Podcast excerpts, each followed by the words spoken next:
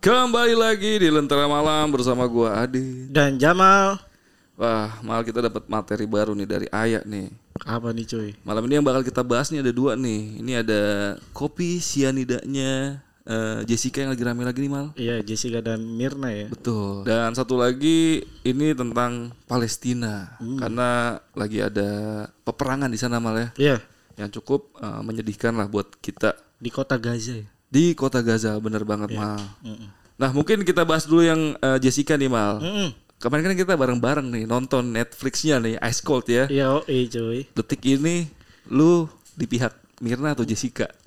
Wah, gue kira lu pengen bahas eh, per episode dulu tuh. Itu dulu aja Karena kan langsung. sebenarnya kan di Netflix itu ya yang kita nonton ya. Hmm, Itu kan kita dibikin roller coaster ya. betul banget mal. Di awal-awal kita memihak Yang Mirna, yang A Mirna lah ya. Iya. Ya, Tapi di akhir-akhir kita dibuat Apa eh, bener nih ya? Iya, seperti itu. Kayaknya itu semuanya sih ya. Iya iya. Hingga iya. akhirnya bermunculan dan besar lagi nih kasusnya Iya. nih cuy. Bahkan kemarin Om Deddy juga sempet ngangkat lagi ya, Mm-mm. bareng sama pengacaranya ya. Betul banget. Iya iya. Kalau lo tanya gue saat ini di pihak mana? Heeh. Asli cu, gue nggak mau ngasih statement yang ini cu, sumpah cu, nggak bisa gue, nggak bisa gue gue tuh udah di luar Bidang kalian ya, gue, ya. bidang gue gitu. Gua kalau lu sendiri dah, dah lu tuh pasti Oke. punya. Karena lu nggak bisa jawab, Pendapat. berarti gua nggak bisa jawab juga mal. Ya, Kita serahkan aja ke pasukan antara malam di kolom Q&A. oh iya ya. benar itu dia. Jadi eh, isi Q&A sekarang kalian di pihak Mirna atau Jessica kalau bisa kasih penjelasannya kenapa kalian bisa ada di pihak antara salah satu itu. Ya, Betul. Tapi kesimpulannya adalah eh, es kopi itu bisa membunuhmu kalau kalian setiap hari minum es kopi sampai asam lambung Betul naik. Karena asam lambung itu juga berbahaya, cuy. Bener banget Mal. Gasnya itu bisa eh, naik sampai ke jantung kita gitu, Ya, mengganggu ya mungkin ya mengganggu si sistemnya si jantung itu. Iya, gue Setahu pernah dengar ya. juga sih. Iya. Tapi kan juga kita sering diajarin apa pun yang berlebihan pasti nggak baik juga ya. Betul. Jadi buat teman-teman yang sering banget ngopi senja nih, ya coba kurang-kurangin lah ya. Ngopi-ngopi senja. Segelas nggak apa-apa lah ya. Segelas gak apa-apa lah. Setengah gelas nggak apa-apa, tapi tambah sianida biar Waduh, mati. gila, gila. oh ini nggak dalam-dalam kan ya? Enggak lah, Nggak terlalu dalam nih. enggak lah. Lanjut lagi kita ke Palestina yang agak lebih serius nih Mal. Oke. Oke. Ini kabel terakhir yang gue dapetin dari Ayah nih. Ini eh, setelah ada pemicunya kemarin sampai rame lagi. Ini kabar terakhir ada kapal induk angkatan laut AS sudah tiba di laut Mediterania Timur. Mm-mm. Siap membantu Israel melawan Hamas. Wah, gile. Emang selalu kayak gitu ya. Kita, kita dapat info kalau eh, Israel itu dapat selalu dapat dukungan penuh dari Amerika ya. Iya benar-benar. Lu pernah dengar gak sih latar belakang kenapa kok Amerika seserius itu sih gitu ngebantuin Israel gitu? Pernah dengar gak sih mal? Em, ya kalau misalkan dari orang-orang awam mah pasti mikirnya itu kan konflik perang antar agama ya. Mm-mm, Tapi gua rasa sih di balik itu sih bukan sih. Bener ya. Karena kalau misalkan agama tuh ya udah dikasih tahu lah eh, kalau agama itu kan hak setiap orang kan. Iya, ya iya. ini kan pasti ada konspirasi di baliknya cuy. Betul betul. Kalau gue malah berpikir ini kan banyak yang udah jelasin juga sebenarnya malah ini kan eh, nggak cuma bukan perang agama mungkin perang agama itu yang diangkat-angkat ya sebenarnya kan kayak penjajahan zaman dulu aja Zionisme segala macam kayak penindasan eh, warga-warga Palestina itu tanahnya sedikit demi sedikit diambil gitu kan. Iya iya. Karena gue pernah ngeliat videonya nih mal eh, itu perbandingan dari tahun 9 berapa sampai tahun 2000 berapa terakhir itu itu tanahnya Palestina itu benar-benar nyempit Bener bener. Gue juga pernah ngeliat cuy. kemakan semua sama iya. eh, Israel. Sampai tinggal kalau di peta itu ya kayak buah pisang aja tuh segitu doang tuh. Iya, yang iya, tadinya senampan lah ya Iya, itu iya, ya pet- di apa namanya wilayahnya ya Iya, sampai akhirnya dijajah di wah gokil sih. Nah tapi ini mal, gue kadang-kadang suka berpikir aneh nih. Jadi kok eh, ini kan gue ngeliatnya kalau di berita-berita Palestina itu kan kayaknya eh, lagi tertindas banget gitu. Apa namanya banyak bencana di mana-mana, peperangan di mana-mana. Tapi kemarin gue sempet kaget nih mal. Apa? Tiba-tiba pas lagi ada pertandingan bola ada timnas Palestina dan ternyata jago-jago juga mal. Mm-mm. Ini gue kadang-kadang mikir ini lagi perang apalagi kok bisa gitu di tengah-tengah perang eh, mereka itu bisa melakukan hal-hal lain gitu. Iya, Apa iya. sebenarnya berita cuma membesar-besarkan saja gitu mal. Bisa jadi cu karena gini cu. Apalagi eh, yang perang yang sekarang ya menurut gue ya kalau gue lihat ya gue kan ngelihat dari di sosial media itu ada di mana kayak ini tuh lagi dibesar-besarkan aja cuy. Jadi emang ada oknum yang memulai perang itu. Padahal kan sebelum-sebelumnya lagi damai-damai aja kan? Iya iya betul Iya kan? betul betul. tiba-tiba dari kelompok Hamas. Hamas, benar, ha. awal mulanya ya. Iya betul. Nah, nyerang dan akhirnya diserang balik gitu kan Betul, intinya. Betul, betul. Dan gue pernah denger juga nih, ini gue maaf juga nih konspirasi juga nih sebenarnya. Cuman lu pendengar Ronter Malam mau percaya atau enggak? Atau lu mau percaya apa enggak mal? Jadi eh, ada lah konspirasi yang menyudutkan sisi Palestina lah mal. Heeh. Ini gue minta maaf dulu nih, gue bukan membela Israel atau tidak mendukung Palestina. Gue eh, 100% di pihak Palestina. Cuman gue pernah denger aja, mungkin teman-teman ada yang belum belum pernah denger. Ini gue sempat baca artikelnya kalau eh, kelompok Hamas ini nih, Hamas ini itu sering melakukan perang dengan Israel itu untuk menarik simpati orang-orang melakukan donasi-donasi yang nanti akhirnya kemungkinan besar ada sebagian yang diambil oleh Hamas untuk keperluan mereka sendiri gitu. Iya, iya, Lu pernah dengar gak gitu konspirasi Gua nggak seperti pernah itu? sih. Cuman gue nggak tahu kenapa feeling yang sekarang ya. Itu kayak eh, si maaf ya, ini mungkin oknum oknum oknumnya ya Oknum-oknumnya, da- dari iya. sisi Palestina ya. Iya, betul. Itu kayak wah ini lagi damai aja nih dan butuh apa gitu, Iya. butuh apa ya udah kita mulai perang atau bahkan itu mungkin udah kesepakatan dari itu bisa jadi kan dari maksudnya iya, dari iya. pihak Israel gitu. Ya ini ini, ini konspirasi Ini ya. konspirasi, kita ya. Dan sudut pandang yang aneh-aneh Ah, lah gak usah nanti- dipercaya Iya betul betul. dan gak usah dimasukin ke hati gitu. Iya, nanti kalau teman-teman punya pendapat lainnya boleh juga. Boleh juga kan? komentar atau mungkin DM Instagram gue masing-masing sama Jamal atau Iya. Pelantara Malam gitu kalian punya pendapat apa. Cuman yang pernah gue denger itu dan Iya, gue iya. kadang-kadang ngerasa kayak masuk akal juga ya gitu ya. Iya. Karena kan emang bantuan yang diterima Palestina tuh benar-benar besar, gak cuma dari Indonesia doang. Indonesia aja gede banget ya, apalagi negara-negara lain gitu yang sangat simpati dengan keadaan Palestina yang yang selama ini kita lihat di media pun emang kasihan karena anak-anak kecil kena korban, ibu-ibu, wah gila. Ini gue ngeliat perbandingannya ini kalau Israel sama Palestina tuh mal, itu perbandingan kayak The Rock di Smackdown ngelawan Sule mal. Jadi benar-benar nggak sebanding itu. Kenapa Sule maksud? Karena kan emang gak sebanding kan. Iya, iya, Agak iya. cukup jauh lah. Iya, iya. Karena eh, Israel punya Iron Dome yang ketika diserang lewat udara dia bisa nyerang duluan. Walaupun kemarin tembus ya ternyata sama Hamas ya. Iya, dengan iya, cara dia pakai terjun payung ya. Iya benar. Tembus cuy itu ada konser musik yang eh, sampai sekitar 200 orang meninggal. Iya itu. Ah gua ngeliat itu. Iya Iya, ya kan ngeliat. kacau banget itu kacau balau. Tapi eh, gue terakhir cu ini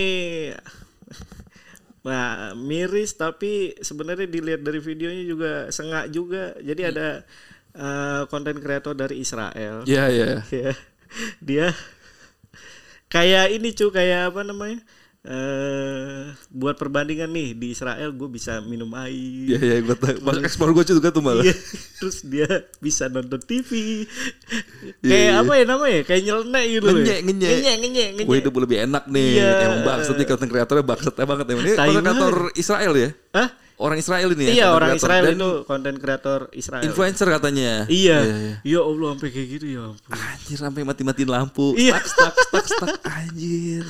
Ini kalau masuk explore kan keplak aja palanya mungkin atau Iya, eh, kemarin gue pas baca komennya mal Hmm. boleh eh, tag Instagramnya kita mau silaturahmi apa netizen netizen Indonesia gitu mau silaturahmi Iya, ke iya, sosial iya. medianya mungkin sekarang udah diserbu kali ya. banyak nih komentarnya nih cu Lu lagi bukan nih? ya? lagi buka gua nih komentarnya nih tunggu aja nanti late game di Armageddon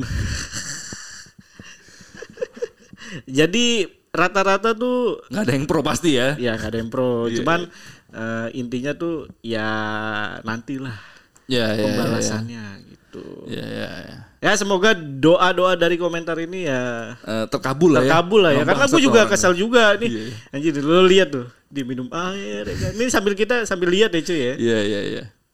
mukanya mukanya juga ngeselin lagi ya kan. Anjir. Yaudah, eh, kalian boleh tulis komentar kalian tentang Palestina ini dan juga tadi yang kita singgung awal tuh Mirna sama Jessica ya di Q&A pendapat kalian kayak gimana dan mungkin malam ini langsung aja kita ke pembahasan ceritanya mal. Malam ini cerita apa nih mal? Ini tentang ada salah satu OB cuy Oke. dari salah satu rumah sakit yang di Jakarta yang tua, yang sudah tua dan Oke. cuk- dan terkenal banget Tapi disensor nih nama rumah sakitnya nih. di sensor. Cuman mah eh, teman-teman pasti tahu sih. Kayak tahu ya orang-orang ya. Ya rumah sakit tua terkenal Iya. di daerah Jakarta. Jakarta. Oke. Oke. Ini apa yang bikin serem nih Mal? Ceritain nih Mal. Jadi selain rumah sakit itu memang terkenal serem, dia itu pernah satu waktu ini yang sebagiannya aja ya, yang menurut gua serem ya. Pernah satu waktu dia bertemu dengan seorang wanita dan wanita itu ketemunya itu selalu di malam hari Oke. gitu. Dan dari awal dia itu nggak curiga kalau itu Sosok. sosok hantu lah. Nah, Padahal kalau dilogikakan dari cerita yang dia ceritain itu harusnya dari awal pun dia harus curiga. Hmm. Karena salah satunya adalah dia muncul itu selalu di gudang, Dari gudang. dari gudang. Sosok wanita cantik dari gudang itu kan nggak Nggak mungkin ya. akal, nggak mungkin Iya, ya iya. kan. Biasanya bawa bapak yang bajunya udah coklat, keringetan, Iya, pakai sarung, pakai sarung tuh keluar dari gudang tuh oke oke aja wajar ya. Iya. Ini perempuan cantik. perempuan cantik gak mungkin dia tidur di gudang gitu Iya. aja dan itu selalu ketemu malam bahkan dia sampai yang bikin konyol dia sampai pacaran cu Nah, iya bahkan kalau misalkan ketemu itu selalu dibawa ke pojok sama dia wah anjir, paks paks. nggak tahu gua udah diapain aja dia nggak cerita sih dia Iya, nggak iya, cerita iya, soal iya. itu sih cuman ya gimana sih laki-laki buaya gitu kan Iya, iya. ketemu cewek diajak ke pojokan mau ngapain lu gitu Apalagi si Abi ini ganteng banget ya.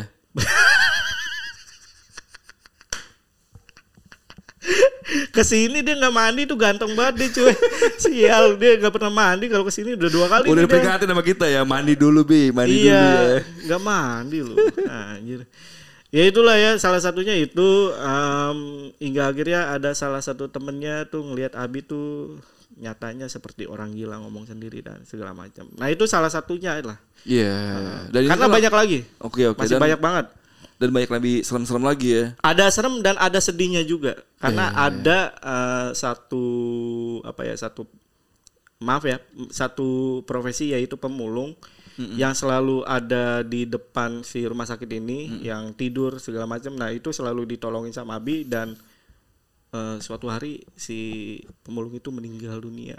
Dan sempat ada eh, Penampakan. kejadian misteri lah di sebelum si ininya meninggal si Oke, tersebut. ini kita berkaca dari YouTube itu ramai banget yang komen tentang Abi ini cerita serem banget emang serem ya. banget. Jadi nggak ada ruginya buat pasukan dalam nonton episode ini sampai habis bukan nonton ya sekarang dengerin ya. Iya, Karena nah. udah nggak ada videonya ya. Iya, nah ini ini pas banget. Jadi eh, yang cerita pertama Abi kan ini hari Senin ya, Iya ya. hari Senin dan eh, hari Minggu itu Mm-mm. kemarin nih berarti ya Iya, kemarin itu si Abi itu cerita yang kedua tuh Cu. udah kita Oke. upload Di YouTube ada ya. di YouTube ada. Betul, betul. Itu serem banget yang kedua, serem Lebih banget, serem lebih serem ini. lagi karena itu satu alur cerita yang menurut gua wah anjir kok bisa sih ada plot twist ya tuh. Iya iya. Eh, si Abi Dan tuh- semua latarnya di rumah sakit. Iya. Kita tahu semua rumah sakit betapa angkernya ya. Oh kalau yang kedua ini di kantor cuy. Kantor. Kantor Oh, tapi serem oke. banget. Eh, serem banget. Oke ya, oke oke. Yaudah, eh, mungkin karena udah kelamaan nih nanti ada yang protes di Q&A ya kan. Langsung aja kita mulai podcast malam ini. Yo, Gas. gas.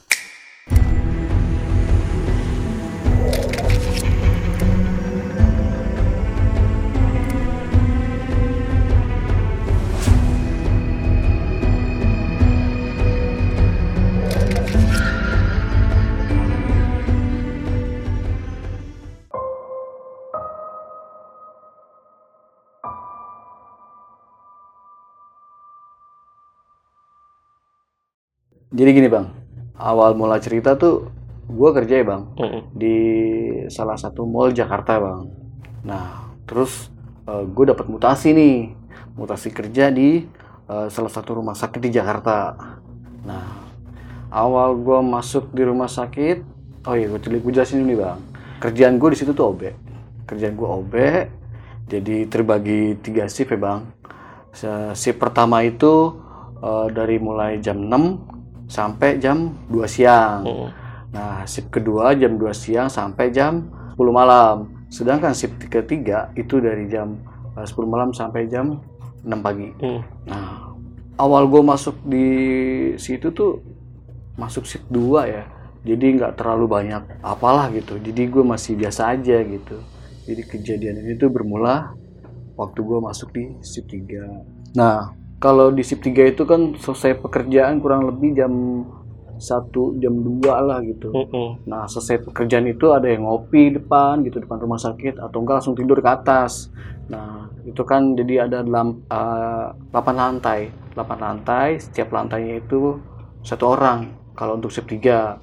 kejadiannya itu jadi waktu itu udah pada tidur nih di lantai 8 dari semua lantai tuh ngumpulnya di lantai 8 lah gitu pas lagi tidur itu kan jadi posisi karena gue paling junior ya bang. Gue tidur tuh paling pojok nih deket troli. Nah di troli itu kayak buat uh, nganter-nganter makanan kayak pasien gitu loh bang. Nah itu gue denger jelas banget karena bersebelahan doang tanpa dibatasin sama pintu. Buar! Itu bantingan-bantingan ke tembok bang troli. Padahal itu posisi jam 2 pagi. Nggak mungkin juga ada orang gitu di dalamnya karena semua lagi pada tidur nah, gue masih biasa aja tuh. Nggak terlalu uh, musingin banget lah gitu. Gue tidur lagi kejadian lagi nih. Bantingan pintu.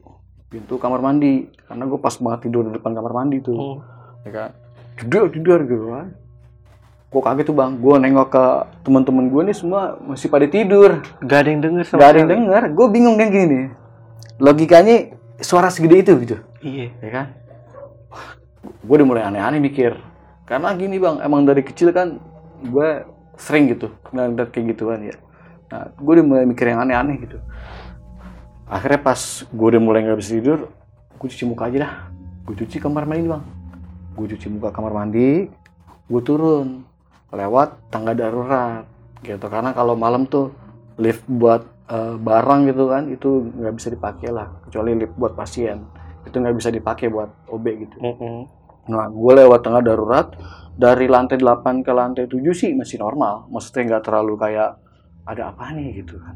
Nah, dari lantai 7 mau ke 6 di sini baru mau ngerasain nih, Bang. Gue ngerasa tuh kayak ada yang ikut lari gitu di belakang gue gitu. Hmm. Gue mikir apa temen gue gitu kan. Gue tungguin nih, gue tungguin. Kok lama banget anjir gak nyampe-nyampe gitu kan. Ada deh, gue jalan lagi begitu dari lantai 6 ke ke arah ketiga gitu kan gue nengok lagi bang ini masih nggak ada apa-apa gitu. Langkah kaki tuh ya pelan hilang pelan hilang gitu aja. Nah begitu gue balik badan itu begini itu gue ngeliat makhluk bang hitam. Gue nggak tahu ini genderuwo atau bukan ya gue mikirnya ya itu siluet udah karena hitam doang udah gitu. Itu gue tabrak bang. Gue tabrak bro tuh tembusin itu gue bilang gue turun ke bawah gue udah tungguin nih sama Pak Slamet. Jadi Pak Slamet itu jadi eh, security. Oke. ya kan? Lu kenapa bi? Kan? Kagak pak. Temu lu ya kan? Bapak tahu kan? Di sini mah lu sering bi. Diceritain lah gue nih.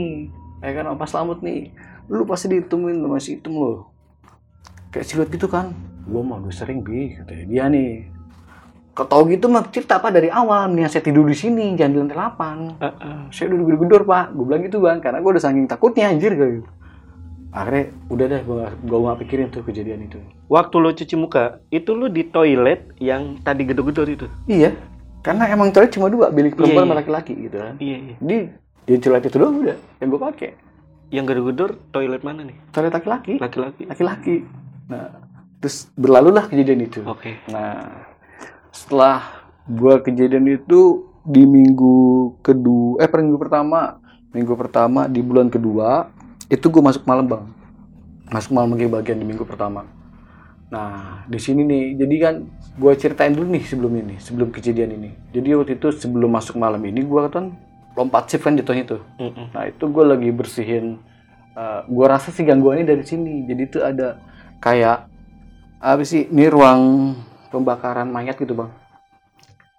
Ada di sana. Iya. Kalau di rumah sakit itu ada pembakaran mayat. Nah terus di situ ada satu pohon. Jadi nyebutnya tuh pohon kenanga kali ya. Kalau bunga-bunga kuning itu loh. Bang. Mm-mm. Nah di samping itu ada pohon kenanga itu tuh. Emang di situ kan bocah nih gak ada yang berani bang. Karena gue nggak tahu histori gitu kan. Jadi bilang tadi disuruh motong pohon no no. Padahal bukan gue bang yang disuruh. Mm-mm. Ya gue biasa aja udah gue tebang mah tebang aja gitu. Nah kelar lah tuh. Gue pikirnya dari sini kejadian ini awal mulanya harusnya. Jadi waktu itu gue masuk malam.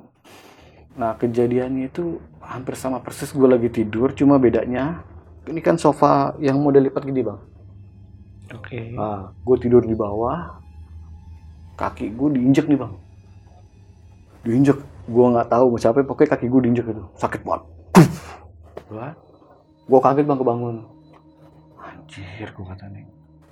gue cuci muka lagi ke dalam. Gue mau turun lagi ke bawah. Karena gue mau tempat lokasi gue tuh di lantai dasar. Hmm. tempat lokasi kerja gue gue cuci muka. Gue lagi cuci di wastafel bang. Itu di wastafel ada tiga nih. Gue wastafel pertama yang kedua ketiga nyala bang. Nyala. Tiba-tiba tuh. nyala tiba-tiba itu. Itu posisi jam antara jam satu jam dua lah itu ya kan? Gue cuci muka lagi itu masih nyala aja. Kan gue matiin tuh bang. Itu nyampe tiga kali. Nyampe tiga kali berulang gue gitu ya. Gue anjir nih apa sih? Gue bilang dari kemarin nih ngehe gue orang. Akhirnya gue mau balik ke bawah baru lu gagang toilet bang. Itu gue buka begini bang pelan.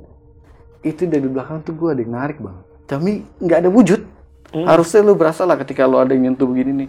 Cuma kayak daya magnet itu kayak ketarik gitu tuh. Gue nengok belakang itu gue ngeliat cewek cakep banget bang cakep banget. Tapi gue nggak berpikir kalau dia tuh Hantu. setan gitu. Iya, setan. gue nggak berpikir dia tuh setan gitu. Tapi gue bilang nggak berpikir ini kan toilet cowok gitu. Dia nanya nih ngapain? Cuci muka kak oh yaudah sih ya kak gue turun bang udah itu normal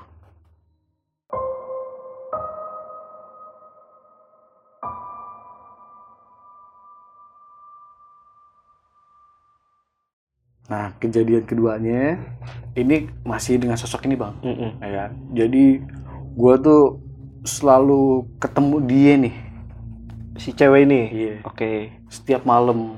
Kalau gua masuk shift 3 ini, Heeh. setiap gue selesai pekerjaan, gua ketemu dia. Setiap gue selesai pekerjaan, gua ketemu dia. Oke.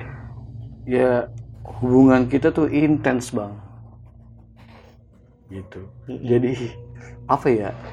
Orang gue pikir perempuan, Bang, gitu. Iya. Ya kan? Normal lah lo ya. normal gue juga ya kan nah akhirnya gue pas udah seminggu dua minggu tiga minggu gue laluin bagian begitu bang itu kejadian pas gue taunya dia bukan manusia itu jadi dari temen gue bang Mm-mm. jadi ceritanya waktu itu gue lagi di dalam ruangan jadi ada satu ruangan nih bang di samping mm, lift itu ada ruangan kayak gudang gitu loh Oke. janitor gitu istilahnya kayak buat naruh alat-alat Iya. kerja gitu. Nah, gue lagi di situ gitu kan. Itu di pok sama temen gue tuh gue biasa aja. Di dalam gue lagi ngobrol sama dia. Ah, masih cewek ini. Iya. Di dalam tuh. Iya di dalam itu gue lagi ngobrol sama dia. Tapi temen gue tuh nggak niat. Heeh. Ngerti nggak bang? Jadi gue ngobrol sama dia. Gue cuma nggak- berasa kalau dia manggil gue nih. Bi, Bi, ayo ngopi lah. Bi, gue biasa aja. Gitu. Pas begitu udah sampai kenceng. Bi, astagfirullah, apaan sih bang? Lu bengong aja, lu mau panggil dari tadi kan? Kagak, lu nggak manggil. Gue manggilin Bi kan.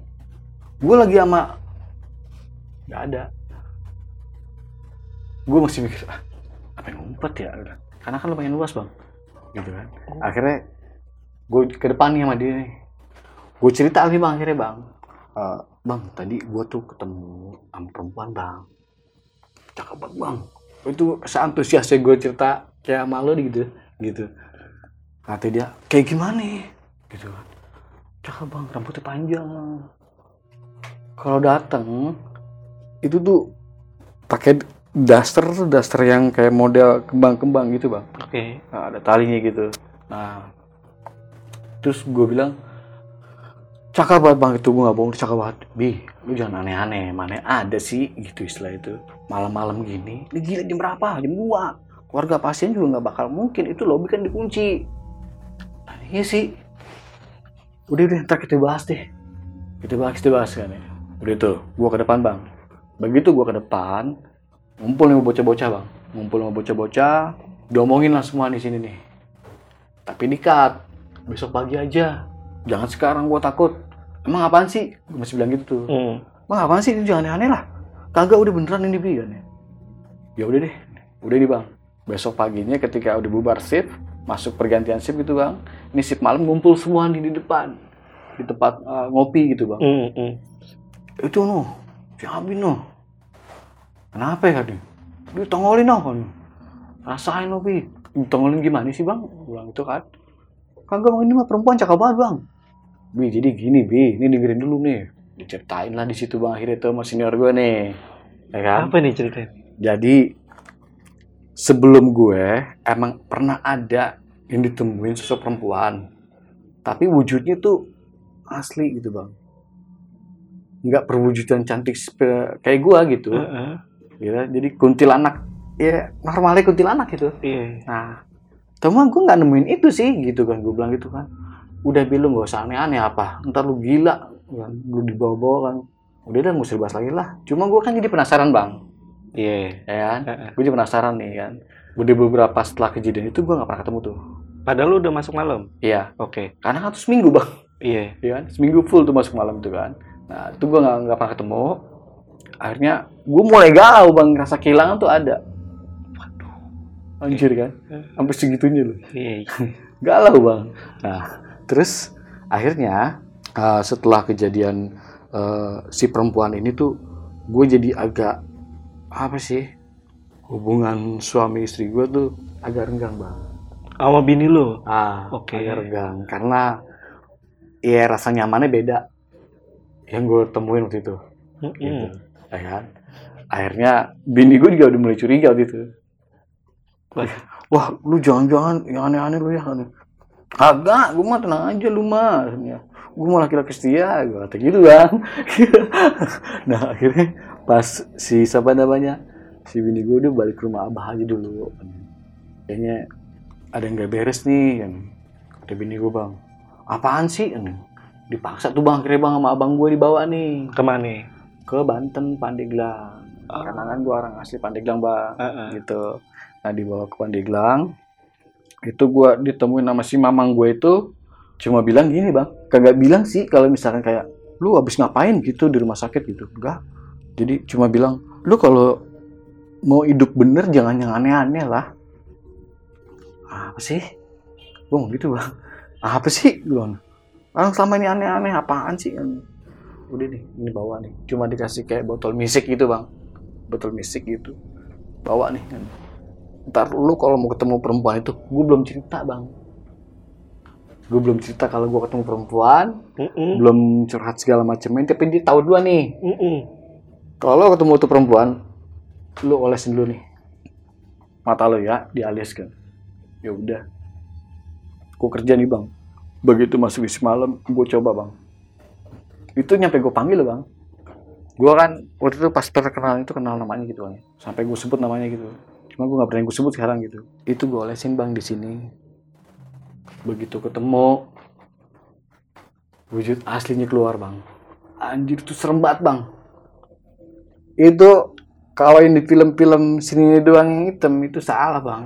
Salah. Gimana wujudnya? itu putih semua udah. Hah? Putih semua nggak ada hitam hitamannya yang gue lihat saya itu nggak ada hitam hitamannya udah putih semua pure. Kayak orang pucet gitu. iya pure. Putih semua putih tembok. Eh, bibir yang kalau kata orang di film-film itu panjang lah segala macam nggak gitu bang. Biasa aja kayak orang biasa cuma beda aja dia nggak ada pelipis sendiri. Oh nggak ada ini. iya. Apa namanya? Ah, ya belahan bibir Iya, gitu. iya, iya. itu gue nggak ada belahan bibir. Cuma polos aja udah. Itu gue masa iya sih selama ini gitu gue ketemu nih sama temen yang begini Sorry, boleh ceritain ini gak detail ketika lo manggil terus ketemunya gimana gitu? gue kalau manggil dia bang kayak yang ini gue ceritain ya Hah? kayak yang gue pakai misik tuh Iya. ya kan ini kan pas gue pakai misik nih sebelum gue naik ke lantai 8 itu gue udah pakai duluan Oke. nah, gue sebut nama tiga kali di gudang tempat gue biasa ketemu Oke. atau bahkan malah dia udah nyampe duluan keseringannya sepe- seperti itu bang Oh setiap ketemu tuh ya. iya Nah Dia yang yang ini duluan. gimana tuh? Hah? Pas yang kejadian ini gimana tuh? dia ketemu duluan Ketemu duluan lagi? Iya. Oke.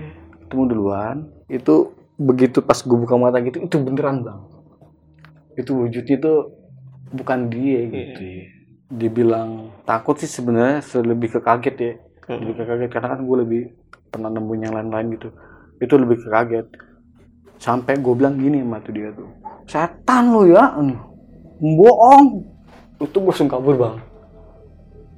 Gue langsung kabur bang gitu. Gue kabur balik gue bang Astagfirullahaladzim, ya Allah, ya Allah, kan gue dibutain ini kan. Allah itu gue langsung masuk ke uh, musola itu bang, gue sholat malam di situ, hmm. kayak gue baca rotip yang biasa gue baca gitu kan. Hmm, hmm. Alhamdulillah tuh gangguan itu mulai agak berkurang. Cuma ini nyerang ke istri gue bang. Oh. Nyerang ke istri bang gitu. Jadi ada, ini gue ceritain salah satunya aja bang ya kejadiannya. Kenapa gue bisa bilang dia nyerang ke istri gitu.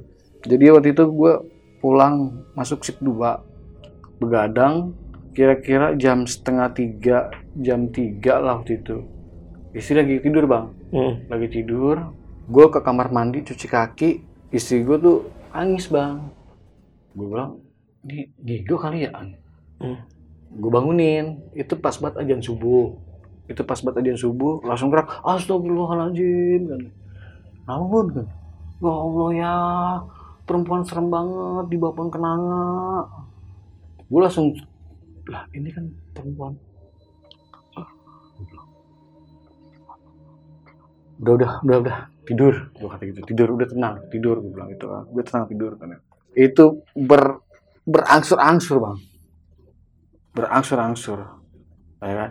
Yang tadi aneh istilahnya gue ketemu baik-baik aja itu ketika udah disuruh cabut gitu nggak usah deket gitu ya maksudnya. Itu mulai neror. Itu mulai neror. Sampai ada satu momen yang nggak bisa nggak bisa gue lupakan waktu itu. Jadi sama bini gue gitu berdua gitu. Bini gue kesurupan bang. Bini gue kesurupan. Sebenarnya juga kesurupan sih enggak ya. Cuma gue dengar suara dia nih. Tapi yang gue tabok bini gue bang. Oke. ya. Kan? di di di apa ya, sorry, di kuping sebelah kanan gue tuh. Ajak aku pulang. Ajak aku pulang. Ajak aku pulang gue pikir bini gue kesurupan bang Hah? karena gue denger teman bicara gue bini gue dong Iya. gue tabok bang oh sebenarnya kenapa sih kan lah jadi gue kayak lost control gitu loh bang Tiba-tiba aja lu. Iya itu gue kayak lost control waktu itu tuh. Akhirnya wah gue balik lagi sampai kedua kali tuh bang gue ke Banten. Gue langsung diobatin kayak semacam itu. Alhamdulillah tuh pas masuk di bulan keempatnya itu gangguan itu udah nggak ada.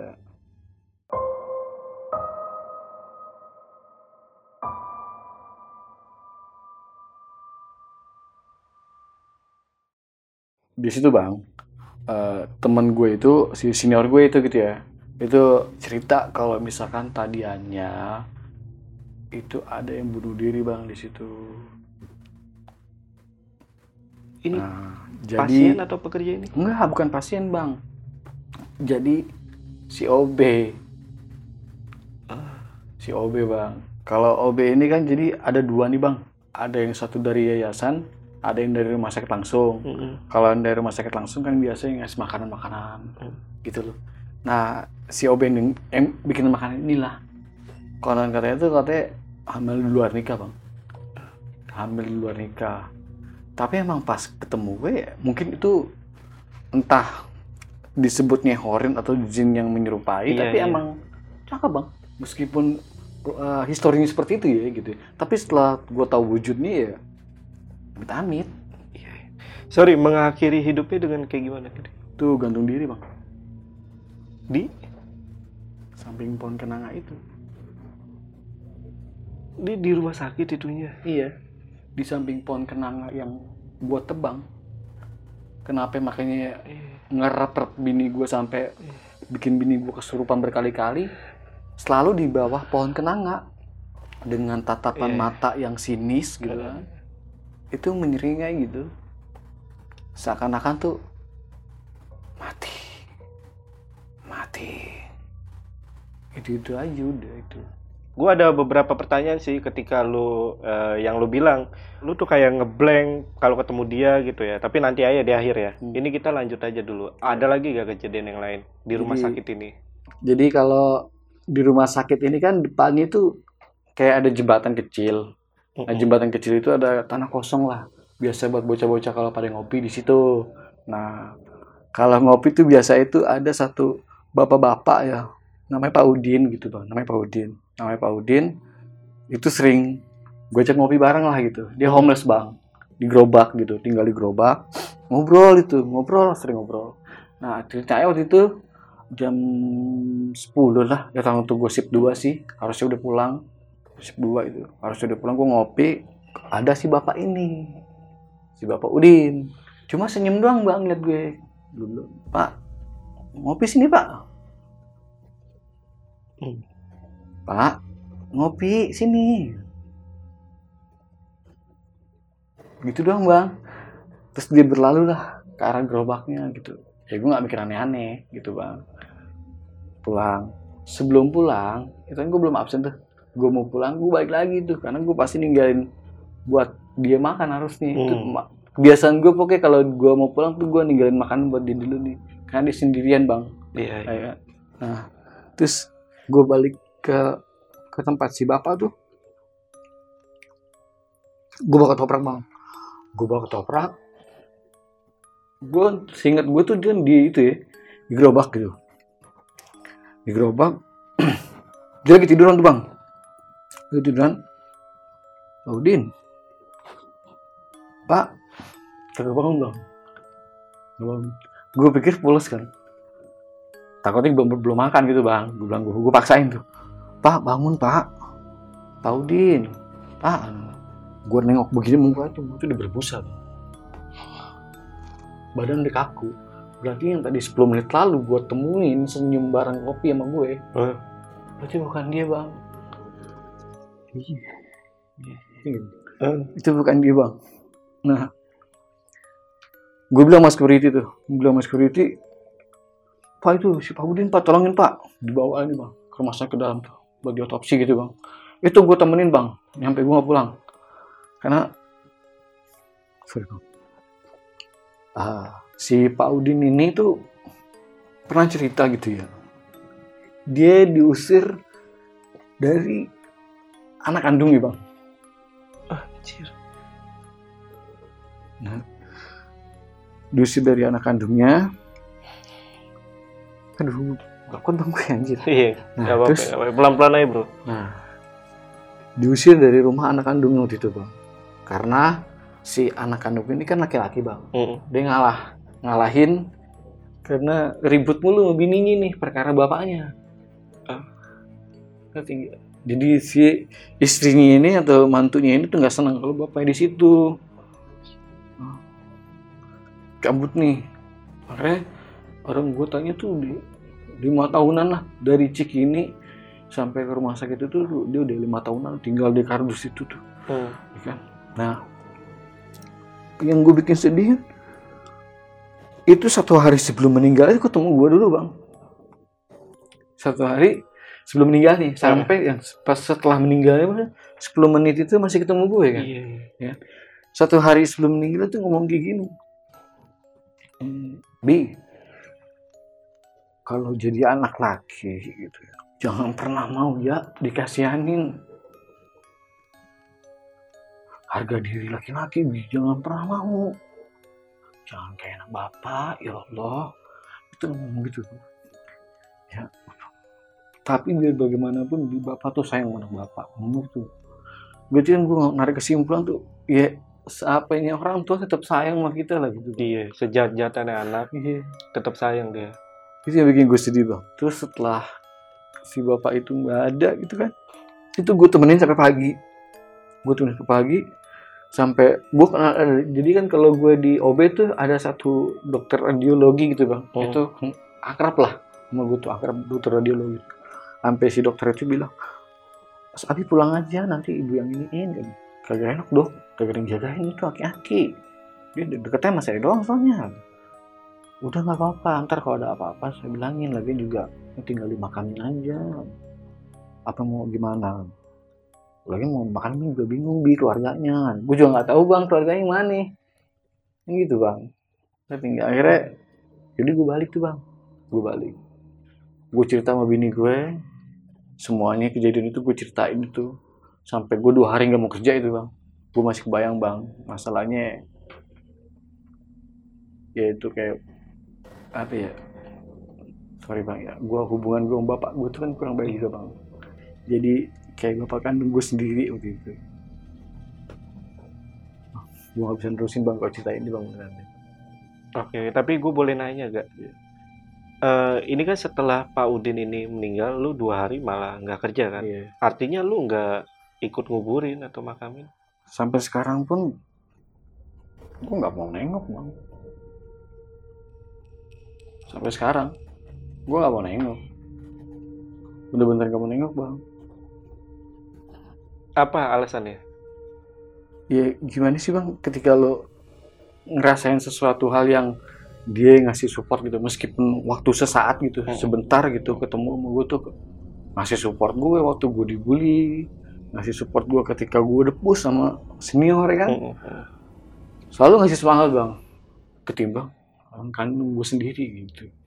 Jadi kayak ah, ah udahlah lah gitu. Kalau lebih ke perasaan sedih banget lah ya. Berat bang. Berat gue ya. bilang, gue bilang berat. Itu lama loh bang lama. Sampai gue kerja tuh kadang masih kayak suges gitu. Hmm.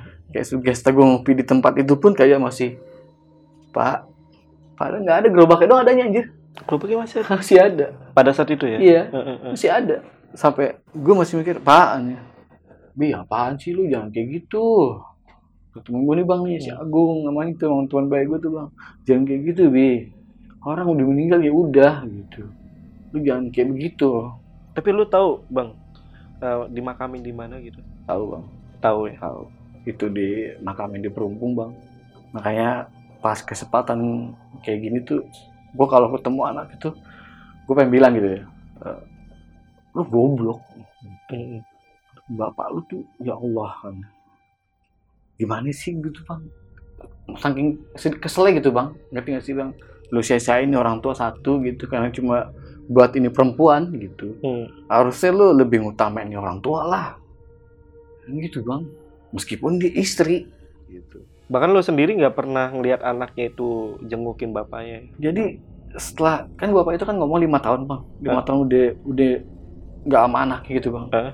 ya. itu nggak pernah. Itu makan aja kadang sehari makannya sehari enggak tergantung pas ketemu gua aja gitu kadang gue minta ah, anak-anak yang lain nih. Iya iya. Tolong kalau makanan lebih kasihlah kan kalau dia sendirian soalnya bang udah ripuh. Ripuh banget. Ini gue takutnya bahkan si Paudin ini diusir dari rumahnya sendiri. Kalau soal itu sih sempat kepikir ya bang ya? Uh, uh, uh. gue sempat kepikir gitu. Masalahnya pernah ada satu kejadian di bangku ceritain satu aja deh.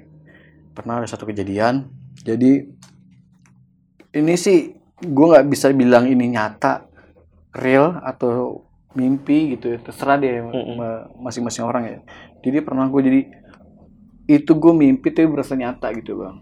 Itu almarhum datang cuma minta Abi tolong Abi tolong. Gue bangun bang langsung bang. Mm. gue bangun langsung itu. Gue cuma berpikir ah orang meninggal masa bisa sih? Gitu kan ya. gue agak skeptis tuh kalau bahas mimpi gitu. Iya. gitu kan. Akhirnya gue nggak terlalu ah udahlah.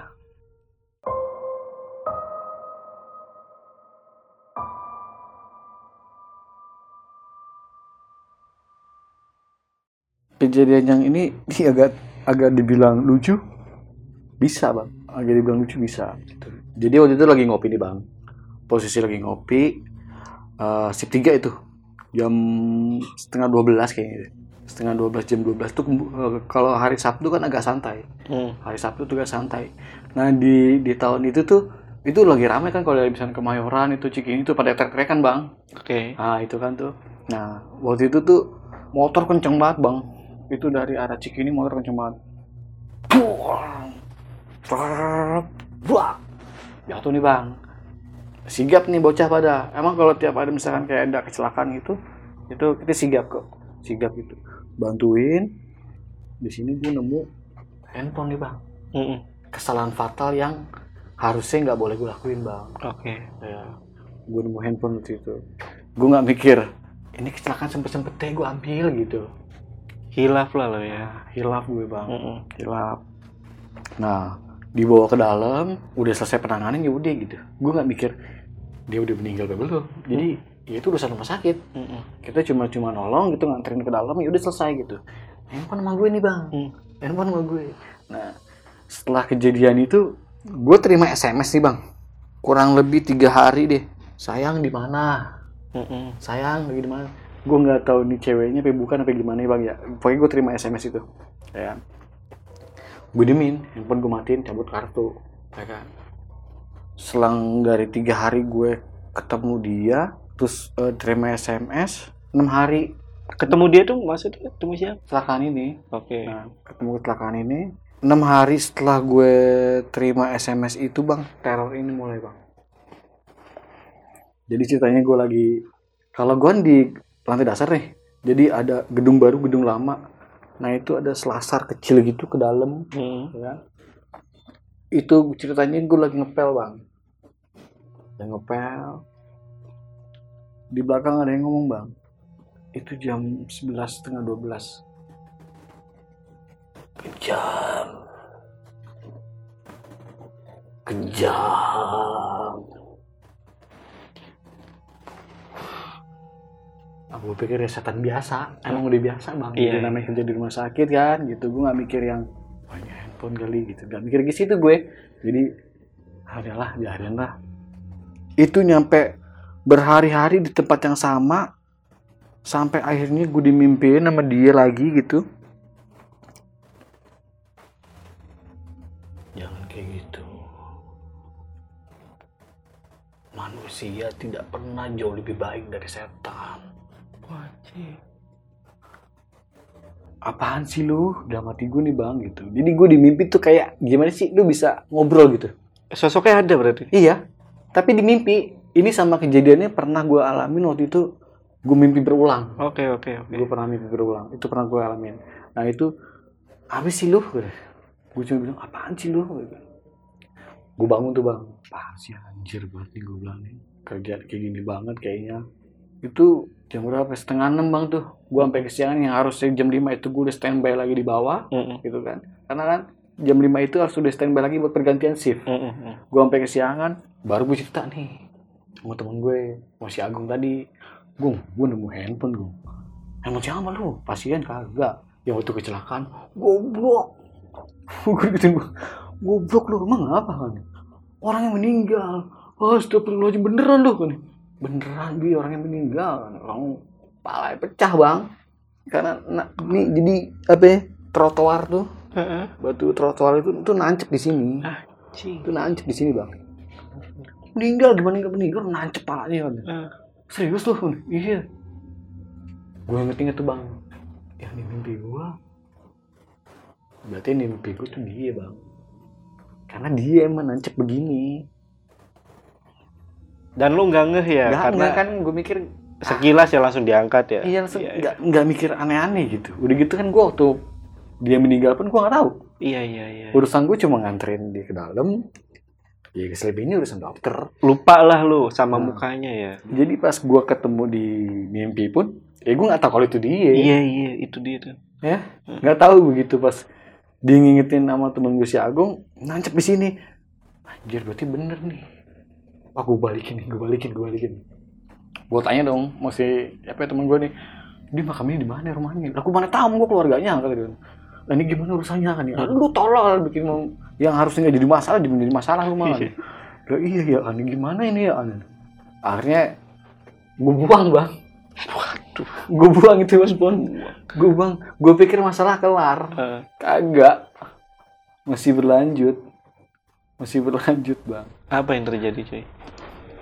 ada nih gue ceritain satu momen aja bang. Jadi ada satu momen bang ini yang paling horor banget. Jadi kalau gue masuk ke selasar itu nyambung ke gedung lama ada musola kecil bang. Mm-mm. ada musola kecil di sebelah sini ada eh, berkas-berkas gitu bang buat eh, apa ya, data-data pasien tuh. Itu biasanya gue yang bersihin juga. Gue lagi bersihin atas kayak gini bang kayak eh, rak gitu rak, rak data gitu gue lagi bersihin kaki gue digini bang. Diadu gitu bang. Astagfirullahaladzim. Gue masih astagfirullahaladzim. Santai. Santai santai. Gue udah biasa. Gue udah biasa. Gue sugesin diri gue tuh. Gue berani gue berani gue berani gitu. Sampai ketiga kalinya itu tangga gue ditarik bang. Tangga pluk tangga lipat gini bang. Iya iya. itu ditarik sampai gue ngejomplang gue pingsan itu jatuh. Pala gue bocor sini gue bocor itu bang pingsan pagi-pagi diketahui nama eh, kepala ruangan. Masa wih kenapa semalam kan? Gak tahu pak. Kayaknya tangga reot deh. Masa sih kan? Coba cek CCTV ada CCTV waktu itu bang. Heeh. ada CCTV Heeh. jadi dia sih kagak nampak ya bang. Kagak nampak. Cuma kayak lu tuh hologram bang. Kayak Iya. pergerakan kayak Iya. ada pergerakan tapi nggak ada nggak ada wujud ya? Iya. gitu. Itu ada bang kayak narik begini tapi nggak ada wujudnya. Tapi itu ada- kayak ada pergerakan gimana sih? Itu ditarik gue begini. Wah anjir gue kata itu. Apa itu kan pak ini pak. Udah saya tahu. Saya tahu dari Agung. Kalau si kepala ruangan ini kan emang agamis bang. Ya kan? Gue duduk ya bang sama dia bang. Duduk ya sama dia. Cuma emang gue orang batu bang ya. Gue orangnya batu. Gue duduk ya sama dia ceritanya jam 12 malam Wah, di, dia 12 malam dimasukin tong biru bang. Tong biru. Nah tong biru ini dimasukin kris bang. Kris ah, gue bilang masuk wih. Pak potong gimana pak? Iya dong orang gue nggak pakai apa-apa bang. Telanjang? iya gue suruh masuk. Ya kan? Ini buat dibersihin. Astagfirullahaladzim bukan ya? Udah ya gue masuk bang. Itu gue masuk bang. Itu gue masuk seriusan gitu gue Iya, iya, iya. nah gue masuk. Ah, dingin. Gue nggak ngomong tapi ya. Anjir keluar bingung gue sampai ngerangkak begini bang. Saking dinginnya. Kata dia apaan? Itu lagi dibersihin dalam hati gue eh, eh lah. Sekarang jam 12 malam bang. Mandi kembang di kebun. Isikan gimana gue kedinginan. Kata dia versinya gue sembuh. Gila nggak? Gue bilang dukun abal-abal sialan gue kata gue bilang astagfirullah akhirnya nyampe itu bang gue apa sih namanya Apa? Eh, dua hari gue meriang itu Gara-gara itu ya? ya gue di kebun bang kebun rumah sakit gue disuruh masuk ke tong isinya kris-kris kecil Heeh. Lu bayangin, gue nggak pakai apa-apaan. Sekarang kini pun gede-gede. Ya gue keluar merinding. Iya. Katanya dia pembersihan, padahal gue meriang. Dingin. Ini Gila gue tuh ya. Nah, Disaksiin sama berapa orang? itu gue masih agung doang untungnya. Kalau main kan malu kali gue itu. Untung mau agung doang tuh bang. Gue bilang akhirnya sembuhnya tuh gue balik lagi ke Banten. Oke gue apa-apa gue pulang udah sekarang mah. Gue udah nggak percaya gitu yang namanya dibersih-bersihin, dukun-dukun. Ah, gitu. Semenjak kejadian itu bang, Iya, iya. gue bilang. Tapi pas lu ke Banten, boleh ceritain nggak apa yang terjadi tuh? Kalau selama di Banten sih nggak terlalu ini bang ya, Pas lu berobat ini ya? Iya. Iya. iya. Nggak terlalu kayak ada impact yang sebelum itu kayak si eh, perempuan itu. Hmm. Kalau ini nggak terlalu ini banget. Maksudnya cuma disuruh kirim fatihah doang, Udah, udah selesai. selesai. Nggak aneh-aneh. Cuma kalau yang kayak si perempuan itu kan emang itu full teror. Karena em- emang bener-bener mau ngerusak rumah tangga waktu itu bang. Karena emang jatuhnya gue udah ngerusak pohon dia juga sih rumah dia. Makanya tadi kan di awal gue cerita Iya, iya. soal gue nebang pohon itu tuh yang gue pikir ya gue musik dia gitu. Tapi kan di sebelah di belah sebelahnya depan besar tuh. Ya kan? Kayak pohon cemara gitu. Apa ya? Pohon itu sih bang kayak sih apa sih bang? Yang buat sarung dalaman bantal. Kapuk ya? Kapuk. iya. Pohon kapuk gitu. Sebelahnya besar. Sebelah itu pohon kenanga. Ya itu yang gue tebang. Karena ngeganggu. Lu tebangnya karena kan dia sampingnya jalan tuh. Nutupin jalan orang lewat gitu. Oh. Makanya Berapa berapa pohon yang lu tebang pada satu doang cuma dia doang pohon itu Oke. jadi yang biasanya kan kalau kalau kayak rumah sakit kan harusnya pohon ini banyak berjejer Mm-mm. yang sebelah sana tapi jejer pohon itu Mm-mm. lagi kalau itu cuma ada satu satunya Satu doang. terus gue tembang seenaknya aja gue gue juga nggak tahu lah Iya, iya. gitu kalau gue tahu juga gak bakal mau Nah, ini gua ada pertanyaan nih soal si sosok cewek ini nih. Kenapa pada saat itu lu nggak sadar kayak, ih bener sih apa kata temen lu? Kayak ada cewek itu malam-malam kok ada cewek. Itu lu nggak sadar. kagak Nah itu lu nganggepnya itu dia siapa? Pasien kah atau orang Ya, lain? gue nggak mikir dia mungkin ya gue nggak mikir apa emang cuma jadi orang aja udah. Orang lagi negor sapa gitu aja udah.